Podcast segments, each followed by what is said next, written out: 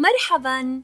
أهلا وسهلا بكم في بودكاست ماما وكنان في حلقة جديدة وفقرة أصل وفصل الفقرة التي نتحدث فيها عن أصل الكلمة. وحلقتنا اليوم برعاية اليوم العالمي للغة العربية. أريد أن أذكركم يا أصدقائي بهذه المناسبة وكما تحدثنا من قبل أن اللغة العربية تتميز بأصالة ماضيها وهي من أقدم لغات العالم. ولكن ما هو اليوم العالمي للغة العربية؟ في الثامن عشر من كانون الأول عام 1973 أدرجت الأمم المتحدة اللغة العربية ضمن لغات العمل الرسمية وبهذا تكون من اللغات الستة المعتمدة في العالم. وأصبح العالم يحتفل باللغة العربية في هذا اليوم من كل عام. حسناً وما هي لغات العالم الستة المعتمدة يا ترى؟ سأخبركم. اللغة الصينية اللغة الإنجليزية اللغة الإسبانية واللغة العربية واللغة الأردوية واللغة الفرنسية. بالرغم من ظهور المصطلحات الدخيلة واللغة العامية التي تنتشر بين الناس، تبقى اللغة العربية الفصحى هي المرجع الأساسي عند التخاطب والتواصل بين كل عربي يتحدث اللغة العربية، سواء في الوطن العربي أو البلدان الأجنبية. وهي تتألف من حوالي 12 مليون كلمة ما عدا الجذور والاشتقاقات. وكذلك تسمى بلغة الضاد لأنها اللغة الوحيدة التي يوجد بها حرف الضاد. كل عام ولغتنا العربية بخير. لا تنسوا أن تحافظوا على اللغة العربية الصحيحة قدر الإمكان. هذه كانت ستوري اليوم العالمي للاحتفال باللغة العربية. وهل استوي كلمة عربية ألم تقول لنا أننا يجب أن نحافظ على لغتنا العربية؟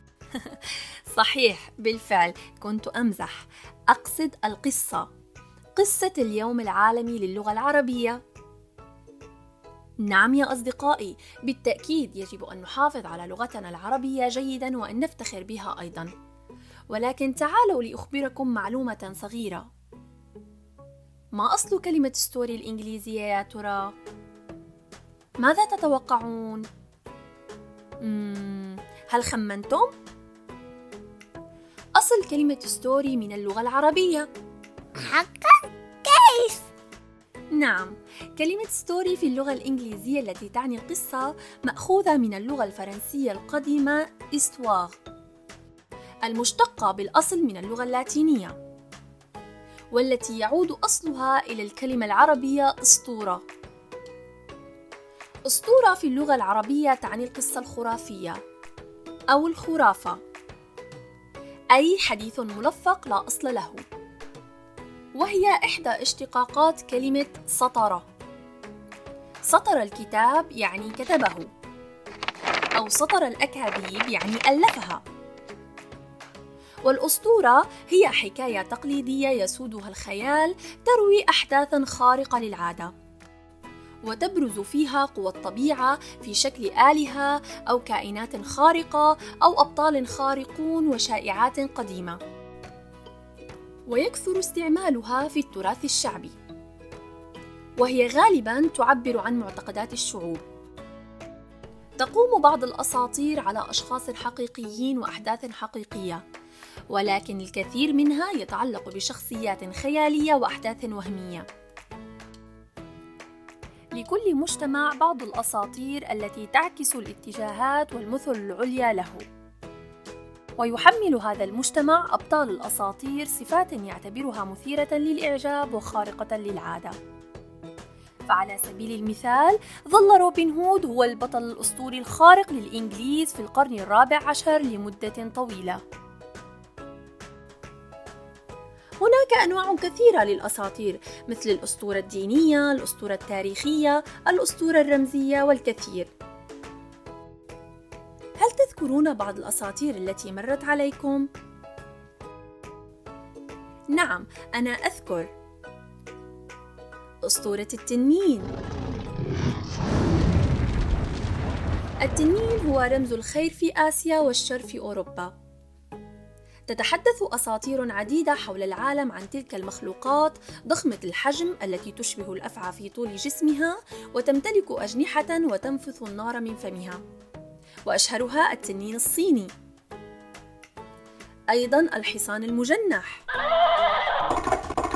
الحصان الأبيض المشهور الذي يمتلك أجنحة ويستطيع الطيران وهو ينحدر من الأساطير الإغريقية. وأشهر الأساطير في العالم هي الأساطير اليونانية والإغريقية وماذا عن الأساطير العربية؟ هل تعرفون واحدة منها؟ هناك أساطير عربية كثيرة مثل ألف ليلة وليلة ومنها علاء الدين ومصباحه السحري وبابا والأربعين حرامي وأيضا سندباد البحار المشهور والمستكشف الشجاع هذا ما كان في جعبتنا اليوم عن القصص والأساطير. إن كنتم تعرفون بعض الأساطير الغريبة والعجيبة شاركوها معنا وأرسلوها لنا حتى نتعرف عليها مع الأصدقاء. ولا تنسوا أن تتابعونا على صفحاتنا على الفيسبوك وتويتر والإنستغرام. إلى هنا أصدقائي وتنتهي حلقتنا لليوم. أتمنى أن تكون قد أعجبتكم. إلى اللقاء. مع السلامة.